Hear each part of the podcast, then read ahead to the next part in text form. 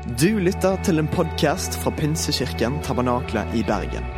Vi tror at kirken skal være en plass hvor mennesker trives gjennom alle livets faser. En kirke for hele livet. Ønsker du å bli bedre kjent med oss eller holde deg oppdatert? Besøk vår Facebook-side eller ptb.no. Her er ukens tale. Det er mange ambisjoner som vi kan ha, og mange mål. Eh, og eh, som Torolf nevnte, så eh, er det alltid spennende når et år går, og et nytt år kommer. Så er det jo ikke bare i det økonomiske hvor man setter opp regnskap for det som har vært, og det skal liksom samstemme med det man har satt seg som mål i det året som har vært. Men like mye så tror jeg det at Gud ønsker også å føre oss videre både som enkeltmennesker og som menighet inn i det nye året. Og Et spørsmål som eh, jeg alltid har, og som vi har hatt eh, som pastorteam også, eh, i god tid før det nye året kom Gud, hva ønsker du for oss i det nye året som ligger foran? Og Det har også vært noe av grunnen til at vi har satt den tittelen vi har satt på bønneuka dette året her. For det er nettopp to ord som helt eh, spesielt Vi var sammen i pastorteamet en dag, eh, og så sier Sander jeg har tenkt på et par ord for det nye året. Og så sier jeg det har jeg òg. Og da er det jo alltid spennende. Er det det samme Gud har sagt? Og det er jo det. Og det er jo ofte det at når Gud ønsker å si noe til menigheten, så deler han noe av disse tankene med flere i menigheten samtidig. Eh, og noe av det som eh, eh, bare dumpa ut av meg med en gang Det første ordet er 'dypere', sa jeg. Og da bare slo i bordet og sa 'Nei, sier du det?' Sa, akkurat det jeg skulle si, sa hun. Og det ble en veldig sånn spesiell stemning på kontoret der, og vi, vi ba sammen om dette her. Men det er noe som vi kjenner på disse to områdene her, både dypere og lengre. Og når det gjelder dypere, så handler det om å gå dypere i forhold til vår relasjon med Gud. Jeg tror Gud alltid ønsker et dypere forhold med oss. Vi vet i ekteskapet at dersom ikke forholdet blir kultivert, hvis ikke forholdet blir holdt varmt, hvis man ikke gjør ting sammen som gjør at kjærligheten holdes varm, så kan den gå kald. Og så er det vanskeligere å være tett på. Og Sånn er det også i vår relasjon med Gud. Gud ønsker å ha en nær relasjon med oss som kristne. Og han ønsker at den kjærligheten som vi har til han, skal få lov til å være dypere og dypere. Og hvordan gir det utslag i våre liv som kristne? Jeg tror at Gud har gjort utrolig mye bra for oss i åra som ligger bak. Og vi er utrolig takknemlige for det året som ligger bak oss, også 2017. Gud har gjort store ting i våre liv. I oss som menighet så ser vi hvordan Gud fører oss sammen, hvordan nye mennesker har fått komme til, hvordan nye har kommet til tro, hvordan nye har fått lov til å gå dåpens vei og blitt døpt. Folk har blitt døpt i en hellig ånd og kommet i en relasjon med Gud. Og så ønsker Gud i det året som ligger foran, også å føre oss dypere inn i kjennskapen med Han. Men så ønsker han også at vi skal nå lengre. Noe av det som gjør at kjærlighetsforholdet blir sterkere, gjør også at du ønsker å gjøre mer for den du er glad i. Eh, og det er også noe som Gud utfordrer oss på. At vi også skal nå lengre, både i vår by i vårt område, i vårt land, men også utenfor landets grenser. Og Vi skal se litt sammen på det. En ting som inspirerte meg i eh, året som gikk, var eh, et besøk vi hadde her i eh, forhold til led regionalt. Øyvind Valvik fra Philadelphia Kristiansand var her på besøk, bl.a. i den samlinga og Kanskje ikke alle fikk mulighet til å være der på den samlinga den dagen. Men én ting som jeg bet meg merke i, som jeg kopierte i eh, den sliden han hadde eh, Han sa dette er noe Gud har talt om til vår menighet.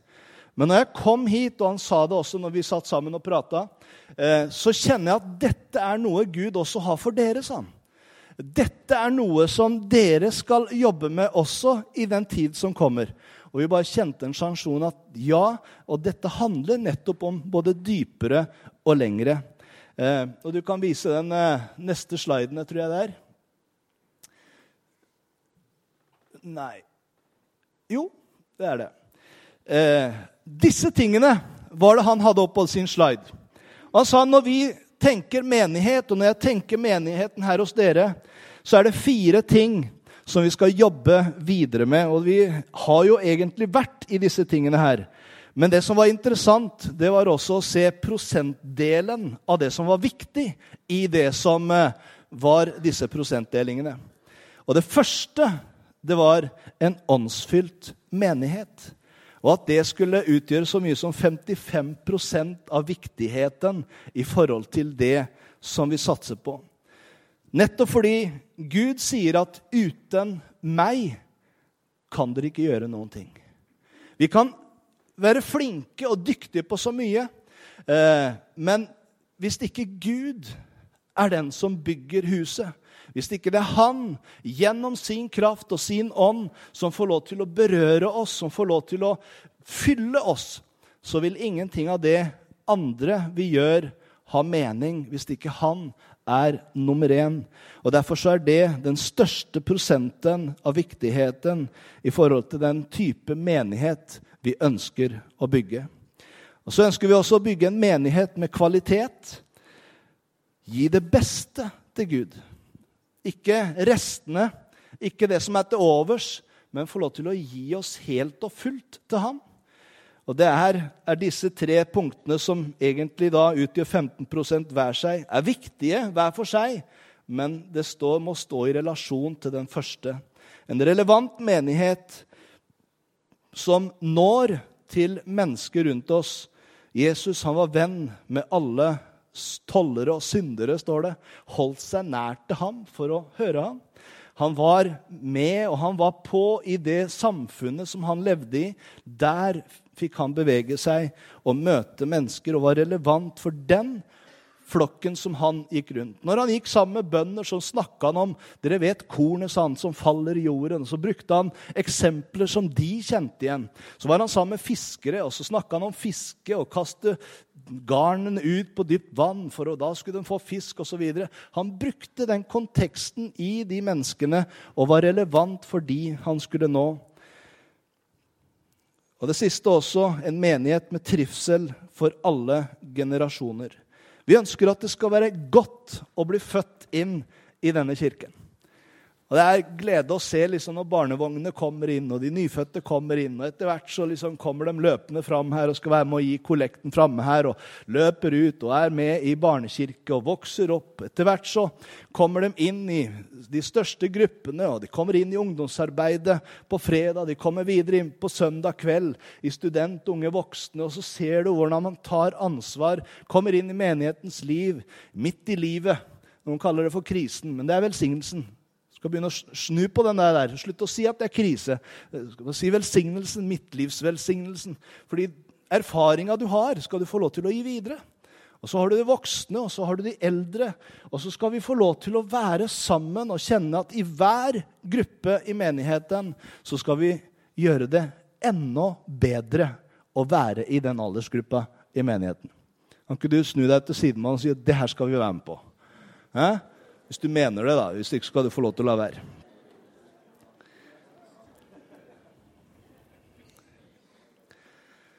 Jeg har lyst til å bare nevne noen punkt som har med dette med dypere i vår relasjon med Gud å gjøre. Fire ting som jeg tenker på som er viktig når eh, vi skal bygge et dypere relasjon med Gud. Og Den første det er at Gud ønsker at vi skal gå dypere i bønn og lovprisning. Og Derfor så er ikke bønneuka tilfeldig lagt til første hele uka i året.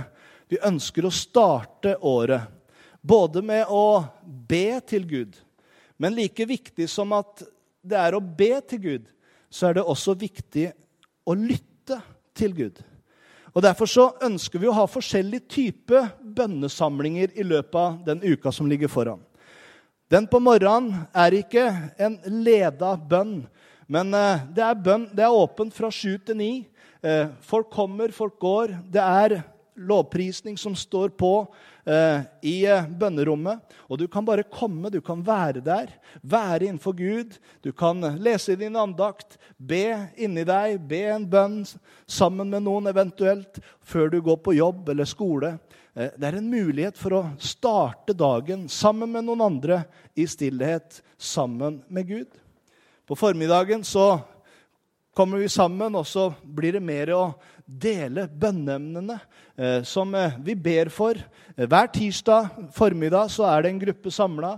Denne uka kommer vi til å være sammen hver eneste dag klokka 11 og be for de forskjellige områdene i menigheten. Bruke heftet til å være med og be for de forskjellige delene i menigheten.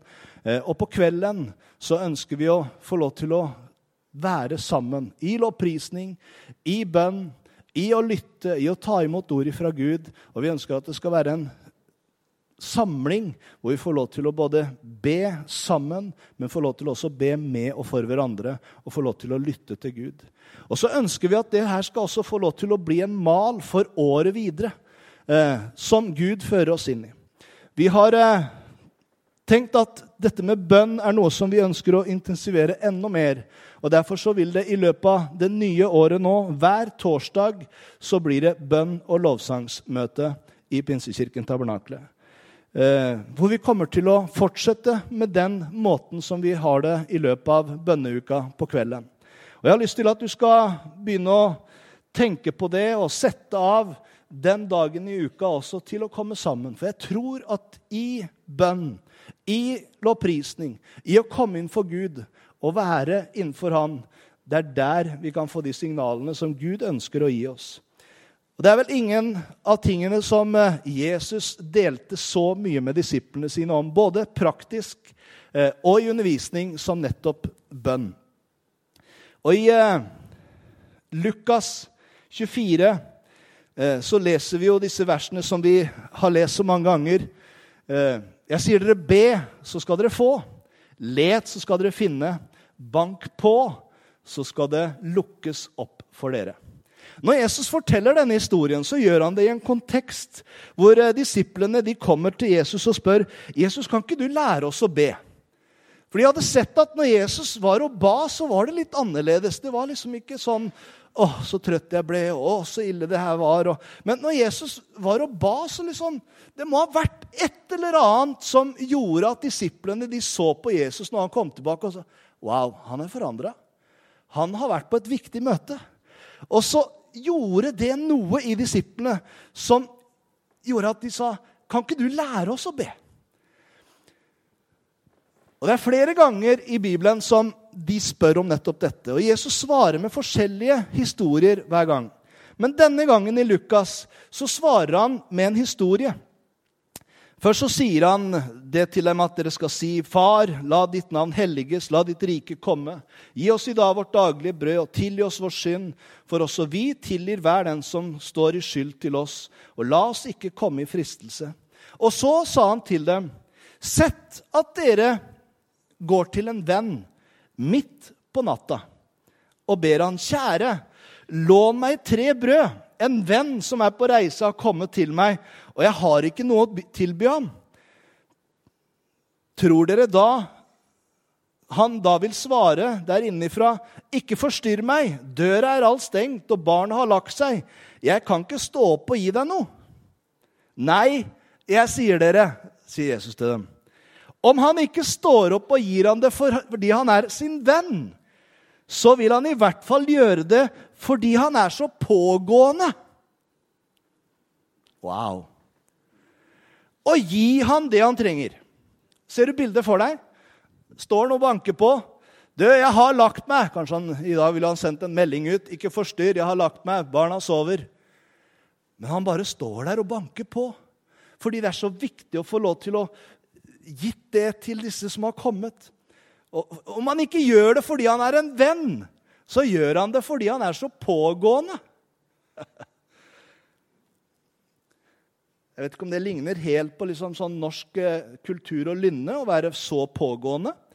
Men faktisk så har jeg lyst til å si deg på vegne av Jesus du får lov til å være pågående i bønn. Ja. Dette er én historie han fortalte. En annen historie han fortalte om bønn, var om en kvinne som kom til eh, en høy herre i byen for å be om sin rett over sin motstander. Og hun kom og masa så på denne dommeren om å få sin rett. Så til slutt så sier denne dommeren hvis ikke jeg gir henne nå det hun ber meg om, så kommer hun til å fly meg rett opp i ansiktet. Dette sa han fordi vi skulle vite hvordan vi skulle be, står det. Og ikke gi opp. I begge disse eksemplene så forteller Jesus om pågåenhet i bønn. Og Jeg tror Gud ønsker å undervise oss også. og jeg tror at av og til, og jeg ser bare på mitt eget liv, Det er så lett når du har liksom bedt om det en gang, så tenker du ja, kanskje han ikke ville gi meg det allikevel. Og så slutter vi. Men i disse eksemplene så gir Jesus oss et bilde om å være pågående i bønn og ikke gi opp. Ja, Er det sånn at Gud ikke lytter? eller at Gud er litt sånn sadist, unnskyld uttrykket, som liksom vil Nå, nå får han lide litt før jeg gir det. Nei. Når du leser i Gamle testamentet om Daniel, så ser du at han var i bønn til Gud. Og Gud elska Daniel og ville gjerne gi han det han ønska. Og så er det som om Daniel liksom kommer til Gud og sier, 'Hørte du meg ikke?' Jo, sier han. Men det var en kamp i det himmelske som ikke ville tillate bønnesvaret å komme. Men når den kampen var overvunnet, så kom bønnesvaret. Og jeg tenker at Av og til så er det viktig at vi ikke gir opp i bønn. Kanskje du har bedt for dine for en situasjon i lang tid. Ikke gi opp. Fortsett. Og Jesus han oppmuntrer oss nettopp til dette. Disiplene, når de eh, hadde lært dette av Jesus, og når han lærer dem Fader vår, eller Vår Far, som det heter i dag, så var det ikke fordi at de skulle ha en oppramsningsbønn å kunne holde seg til. Det vil jo bli litt motsigende når Jesus i en annen setting sier at det ikke gjør som fariseerne, som står og ramser opp bønner for å bli hørt. Men når dere ber, så skal dere si Og så høres det ut som han lærer en ramsebønn allikevel. Men jeg tror at det er en modellbønn for hvordan vi kommer fram for Gud. Da skal du si 'Pappa' eller 'Vår Far', du som er i himmelen. Jeg lover deg, helliget være ditt navn. Du starter med å tilbe ham og ber om at komme ditt rike. Herre, det som er din vilje i himmelen, la det skje på jorden. Gi oss i dag vårt daglige brød. Det handler om de daglige behovene som vi har. Og For oss er det kanskje ikke det daglige brød som er det viktige, men det kan være andre ting som går inn under betegnelsen det daglige brød, som du kanskje tenker på. Kanskje det er en arbeidssituasjon, kanskje det er en sykdomssituasjon, kanskje det er problemer i familien, kanskje det er problemer i økonomien som du sliter med. Og Så får du lov til å legge det fram for Gud. Skje din vilje, Gud, i himmelen, så på jorden, i denne situasjonen. Og la meg ikke komme i fristelse. La meg ikke falle i fristelse, Gud. Fristelser vil komme. Men du kan be Gud om hjelp til å ikke falle i fristelsene. Men fri deg fra det onde. Og så avslutter en bønn igjen med å takke Gud. Det er derfor vi starter hver eneste møte her med å både be, men også med takksigelse. For ditt er riket, din er makten, din er æren i all evighet. Amen. Vil du lese en god mønsterbønn, skal du lese Apostlenes gjerninger 4, hvor disiplene nettopp hadde, du ser at de hadde lært dette. Så når de kommer tilbake til sine etter å ha blitt lynsja og sagt at dere må ikke snakke mer om Jesus, så står det at de kom sammen, og så begynte de. Herre, du som har skapt himmel og jord og hav og alt som er i det. Var det det som var, snakk, var, det som var utfordringen? Nei. Men når de ble opptatt med Gud og ære Han og løfte Hans navn opp, så skjønte de hvor stor Gud var. Så når de kom til det daglige brød som de skulle be om, så sier de bare, 'Gud, kan ikke du bare holde øye med truslene deres?' 'Og så gir du dine tjenere å tale ditt ord med frimodighet.' Så ber de egentlig om mer trøbbel. Ja, Fordi de hadde fått en tillit til Gud som far i forhold til nettopp dette. Og Derfor så står det om disiplene etter at Jesus hadde gått bort. Så står det i Lukas 24 Siden var de stadig i tempelet og lovpriste Gud. Det var liksom Det her må vi bare gjøre. Og I Apostlenes gjerninger 4.31, da de hadde bedt Det var etter denne bønnen som jeg nettopp refererte til, hvor de kom tilbake og sa, 'Gud, du som har skapt himmel og jord'. Etter denne bønnen så står det da de hadde bedt, skalv stedet hvor de var samlet, og de ble alle fylt med Den hellige ånd. Og de talte Guds ord med frimodighet. Var det ikke nettopp det de hadde bedt om? Og så svarer Gud, og så kommer han. Jeg har sett mennesker riste under Guds kraft. Jeg tror jeg aldri har sett et hus riste under Guds kraft. Men det står faktisk at det var det som skjedde her. Da ristet stedet der hvor de var samlet. Og de ble fylt med Den hellige ånd.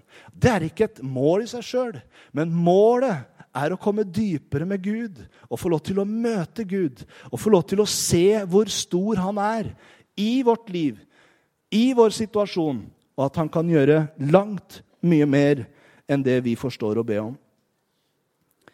Det andre som jeg tror Gud ønsker oss dypere i, det er i Den hellige ånds ledelse. I Apostlenes gjerninger 4, som vi leste om, da ble de alle fylt med Den hellige ånd og talte Guds ord med frimodighet. Så står det videre med stor kraft bar apostlene fram vitnesbyrdet om at Herren Jesus var stått opp. De hadde en relasjon til Den hellige ånd. De ble fylt med Den hellige ånd. De ble salvet med Den hellige ånd. De ble leda av Den hellige ånd. De ble av og til til og med hindra av Den hellige ånd. Paulus han ønska å dra inn i Asia og tenkte liksom nå må vi bare ta Asia med en gang. Men det var ikke timingen for å gjøre det. Så det står at Den hellige ånd ga dem ikke lov. Og plutselig da på natta når de står og undrer seg over dette, hvorfor skal vi ikke gjøre det nå? Så får han en drøm, en makedoner som står 'Kom over til Makedonia og hjelp oss'. Og så bruker Den hellige ånd denne situasjonen til å føre dem dit Gud hadde tenkt den skulle få lov til å være. Kjempeinteressant. En dag mens de feiret gudstjeneste for Herren og fastet, det var disse det handla om da, sa Den hellige ånd, ta ut Barnabas og Saulus for meg, så de kan gå til den oppgaven jeg har kalt dem til. Det var Den hellige ånd som talte til menigheten om disse. De var jo allerede i menigheten. De hadde jo kommet for å betjene menigheten. Men nå var det akkurat som Gud talte til dem. Dere kan ikke beholde disse. Dere må sende dem ut. For det er mange som trenger fortsatt å høre evangeliet. Og da er det de får lov til å være i hvert fall det som er bekrefta i Bibelen som den første utsendermenigheten i Antiokia, som sendte ut Paulus og Barnabas til den oppgaven. Og Det er i denne sammenhengen som du begynner å lese om en ledelse ved Den hellige ånd som er helt fantastisk. Og Du skjønner etter hvert at Gud han vet hva han gjør. Fordi når de kom til Filippi, så traff de først ei dame der som ba til Gud, men hun hadde ikke så mye kunnskap om det hun holdt på med. Men de ble frelst, Lydia og hele hennes hus osv., inn til Efesus og flere av disse byene. Og etter hvert så ble det jo han ble jo kjeppjaga og steinjaga fra det ene stedet etter det andre. Paulus etter hvert som eh, de ikke ville at han skulle dele evangeliet. Men så kommer han etter hvert tilbake til Efesus, og så står det der at der ble han i to år og underviste ved Tyrannis skole. Vi går videre til den på neste punkt. Gud ønsker at vi skal gå dypere i Guds ord. Lede av Den hellige ånd, men Guds ord må være malen for det som vi gjør. Vi har jo lest i Salme kanskje 119 noen, det kjente verset at 'ditt ord er en lykt for min fot og et lys på min sti'. Men apostlene, det står om dem allerede i de første kapitlene at de holdt seg trofast til apostlenes lære, til fellesskapet, til brødsbrytelsen og bønnene. De gamle de kalte det for de fire b-er. Da hadde de brorskapet. istedenfor fellesskap. Og da ble det liksom fire b-er, som fire søyler som menigheten var bygd på. Som hadde med fellesskapet, som hadde med bønn, som hadde med brødsbrytelsen, og som hadde med ordet å gjøre. Disse fire tingene må stå som søyler også i dagens menighet. Og Guds ord skal være vår mal i forhold til det vi holder på med. Og det var nettopp det Paulus også hadde forstått når han leda av Den hellige ånd. Gjennom bønn så hadde de opplevd nettopp dette. Og leda av Den hellige ånd så reiste han rundt, og så stasjonerte han seg i to år i Efesus. Og hva gjorde han der? Han gjorde disipler. Han trente disipler. Og hvordan gjorde han det? Han underviste dem ifra Guds ord. Han starta på en måte en bibelskole der i Efesus. Og så står det så fantastisk eh, tror det er her i kapittel 19 Bare for å vise litt hvordan det gikk for seg. Han gikk så til synagogen og talte fritt og åpent der i tre måneder. Han førte samtaler med folk og overbeviste dem om det som har med Guds rike å gjøre. Noen gjorde seg harde og ville ikke tro. Har du opplevd det i dag? Det skjer i dag òg, det. Men snakket nedsettende om veien mens alle hørte på. Da brøt Paulus med dem og holdt disiplene borte fra dem. Og siden ga han hver dag undervisning i skolen til Tyrannus Eh, dette fortsatte han med i to år. Og hør Slik at alle som bodde i Asia, fikk høre Guds ord, både jøder og grekere. Hvor var Paulus på vei hen når han måtte ta avstikkeren? Han var på vei til Asia. Fordi han så noe der framme som sikkert Den hellige ånd hadde vist ham, men timingen var ikke der da. Men pga. denne lille omveien som han kunne oppleve, så var det en ledelse. Han skulle ikke gjøre dette alene, men han fikk lov til å trene andre som sammen gikk inn i Asia. Og som konsekvens av det så fikk Asia høre evangeliet. Jeg måtte ta med dette verset i Romerne 11,33. Og dyp av rikdom og visdom og kunnskap hos Gud. Av og til så lurer vi på hvor skal jeg få kunnskapen fra? Hvor skal jeg få rikdommen og visdommen fra? Gud er den som gir oss det. Og Derfor så tror jeg det at dette året, for min del i hvert fall, så har jeg bestemt meg for dette året, Benjamin, skal du gå dypere med Gud. Og Det betyr å gå dypere i bønn. Det går på å gå dypere i å bli ledet av Den hellige ånd. Dypere i relasjon med Han og det han ønsker å gjøre. Og få lov til å lytte inn signalene. Og så har Gud talt om ting når det gjelder denne menigheten, lenge før vi kom hit. Og jeg tror at Gud, han står ved sitt ord. Og så er det timingen vi skal få lov til å vente på i forhold til det Gud ønsker å gjøre.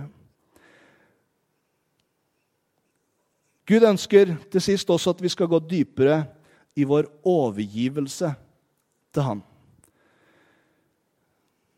i en overgivelse til Gud og si, 'Herre, her er jeg.' Som denne unge Samuel som ikke hadde lært så mye om Gud ennå, trengte hjelp av Eli. Fordi Gud ropte på han, og Eli sa at 'Jeg har ikke ropt på deg, gå og legg deg igjen'. Men tredje gangen da skjønte han det er Gud som taler til gutten.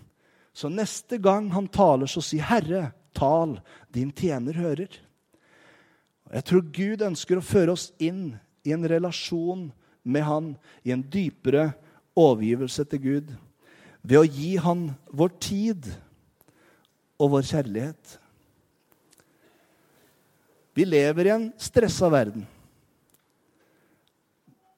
Men jeg har av og til sagt det til meg sjøl, Benjamin. Du trenger ikke å stresse så mye. Mange er så er vi mye selvforskyldt i mye av stresset vi holder på med. Og av og til så kan jeg stresse fordi jeg vil gjøre ting uten at på en måte jeg kjenner at timingen er der fra Guds side. Men det å kunne bygge en relasjon med Han i kjærlighet, Og vi får lov til å kjenne at når vi gjør ting, så gjør vi det fordi vi kjenner nå går Gud videre på dette. Så er det så godt, og det er så trygt. Og vi får lov til også å gå dypere i overgivelse til Gud ved å tjene Ham med vår utrustning og våre talenter. Gud har satt i denne menigheten gaver, nådegaver, kunnskap, talenter. Og det er viktig at vi kan få lov til å sammen tjenestegjøre i de gavene som Gud har gitt oss, i en overgivelse til Han. Og vi overgir oss også til Han ved å gi Han det beste vi har. Når du leser en del av stedene i Gamle Testamentet, bl.a. Malakia, så står det at folket liksom, de, de, de, bare ga sine rester. De ga sin overflod. Og det som ikke var så viktig, ja, det kan Gud få. Og, og så sier de, Gud, hva har vi feila på? Og så var det nettopp dette. Å gi han det første, det beste. Og det er ting i Bibelen som handler nettopp om dette. Derfor så er det noe som heter tiendegaver. Den første 10 prosenten av det du får inn, gi det til Herren. Ja, men er ikke det lovisk surr? Er ikke det Gamle testamentet 10? Det kan du gjerne si hvis du vil det. Vi kan gjerne ta Det nye testamentet og si alt det som du har, tilhører Herren. Så kan du gi han alt sammen. Men jeg tror det er et prinsipp i forhold til å gi Gud det første. Gi Gud det beste. Når du starter dagen og får lov til å bare starte med å og Jeg sier ikke du skal ligge på kne og be en hel time, men bare start dagen med å si, 'Herre, takk for at jeg får stå opp en ny dag sammen med deg.' Hva ønsker du for denne dagen? Gi han det første. Gi han det beste. Også av vår tid, av våre gaver, av våre krefter. Gud ønsker å velsigne oss. Og du får også gå dypere i overgivelse ved at du elsker din neste. Ved at vi elsker hverandre slik Gud har elsket oss. Dette er mitt bud til dere, sa han. Elsk hverandre. Jeg skal bare avslutte med å si litt om hvordan Gud ønsker at vi skal nå lengre. Jeg tenker at Det med dypere er det viktige som jeg ønska å dele i dag. Men vi eh, skal også som menighet få lov til å gå lengre. Og Vi har noe som eh, du kanskje tenker på hver søndag når vi har det. Og så tenker du hvorfor skal de ha det nå igjen? Vi kaller det for bro til tro. Hva er det for noe?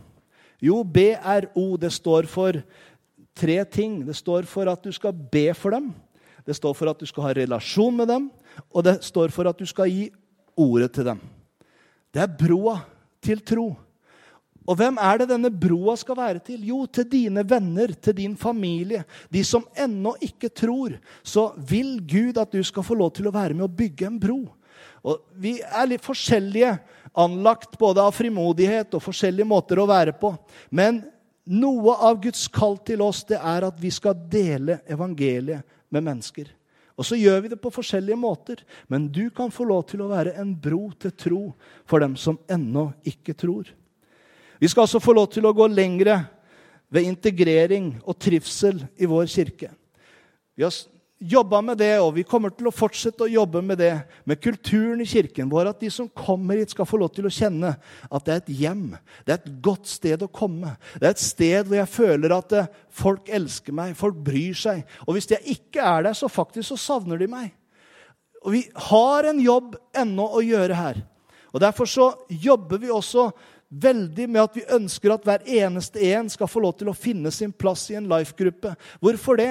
Fordi i et stort fellesskap så er det lett å gjemme seg unna. Det er lett å bli borte. Det er lett å bli oversett. Men i en mindre gruppe så blir du fortere savna. Du blir fortere fulgt opp. Og Derfor så er det så viktig at vi kan få lov til å bygge ned det store fellesskapet, også i mindre fellesskap, i løpet av uka, hvor du får lov til å komme sammen med noen som tar dine behov, som følger deg opp. Og når du ikke er der, så ringer de.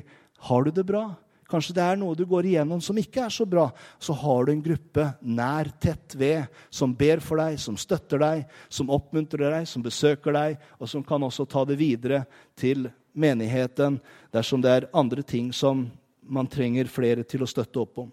Vi ønsker å nå lengre i sosialt og åndelig arbeid. Og vi er veldig glad for at i slutten av eh, fjoråret så fikk vi skrive en kontrakt sammen med Evangeliesenteret om å starte med kontaktkafé i Bergen. Og Vi som en menighet ønsker å være aktive i forhold til det, både økonomisk, men også her vil det være behov for tjenestegaver og krefter som vil være med. Og Vil du ha et konkret bønneevne i de første dagene her, så er det at vi skal få det rette lokalet midt i sentrum for nettopp dette arbeidet. For det har vi ennå ikke fått. Vi har fått daglig leder, vi har fått de som skal være med og drive det.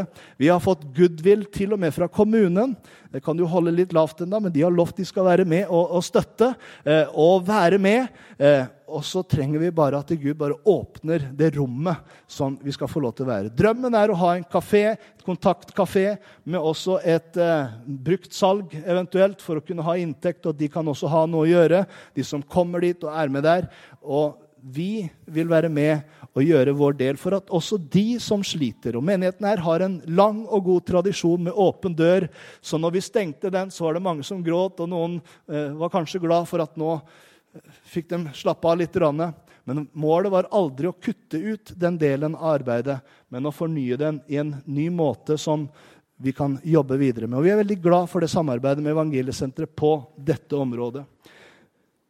I det åndelige arbeidet, også i forhold til samtaletjeneste og bønnetjeneste, så ønsker vi at dette skal bare gå videre. Vi ønsker også å nå lengre i lokal misjon. Vi har merka i løpet av de siste åra hvordan menigheter i distriktet har kommet og sagt kan dere hjelpe oss. Kan dere backe oss opp? Kan dere komme og besøke oss og ha møter sammen med ledelsen? Vi trenger fornyelse. Vi trenger å komme videre. Og så uten at vi på en måte har vært på det, så har vi sett hvordan Gud har åpna dører for det i vårt distrikt. Og vi ønsker også å være tilgjengelig som menighet for dem. Men vi ønsker også å nå globalt mye større. Og en av tingene som Norsk Pinsemisjon jobber med som en av sine satsingsfelt, er storbyene, de unådde, men også Europa. Europa er et mørkt kontinent som trenger Jesus. Og vi tror at i tida som kommer, så vil vi både oppmuntre og se unge reise til Europa, eh, evangelisere i Europa. Vi ønsker også å organisere team som kan reise ned og være eh, kortere og lengre tid for å være med å bygge forsamlinger i Europa. Vi har allerede flere kontakter i forhold til det.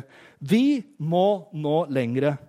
Og så har jeg lyst til å bare avslutte med oppdraget som vi har Gå derfor og gjør alle folkeslag til disipler. Døp dem til Faderens og Sønnens og Den hellige ånds navn, og lær dem å holde alt det jeg har befalt dere. Og se, jeg er med dere alle dager inntil verdens ende. Så leser vi fra Markus 16. Og disse tegn skal følge dem som tror. I mitt navn skal de drive ut onde ånder, de skal tale nye tungemål, og de skal ta slanger i hendene. Om de drikker dødelig gift, skal de ikke skade dem. Og når de legger hendene på syke, skal de bli friske. Det handler om beskyttelse, det handler om kraft, og det handler om ledelse ved Den hellige ånd. Og så står det så herlig i Markus 16, 20, Men de gikk ut og forkynte overalt. Og Herren virket med og stadfestet ordet med de tegn som fulgte.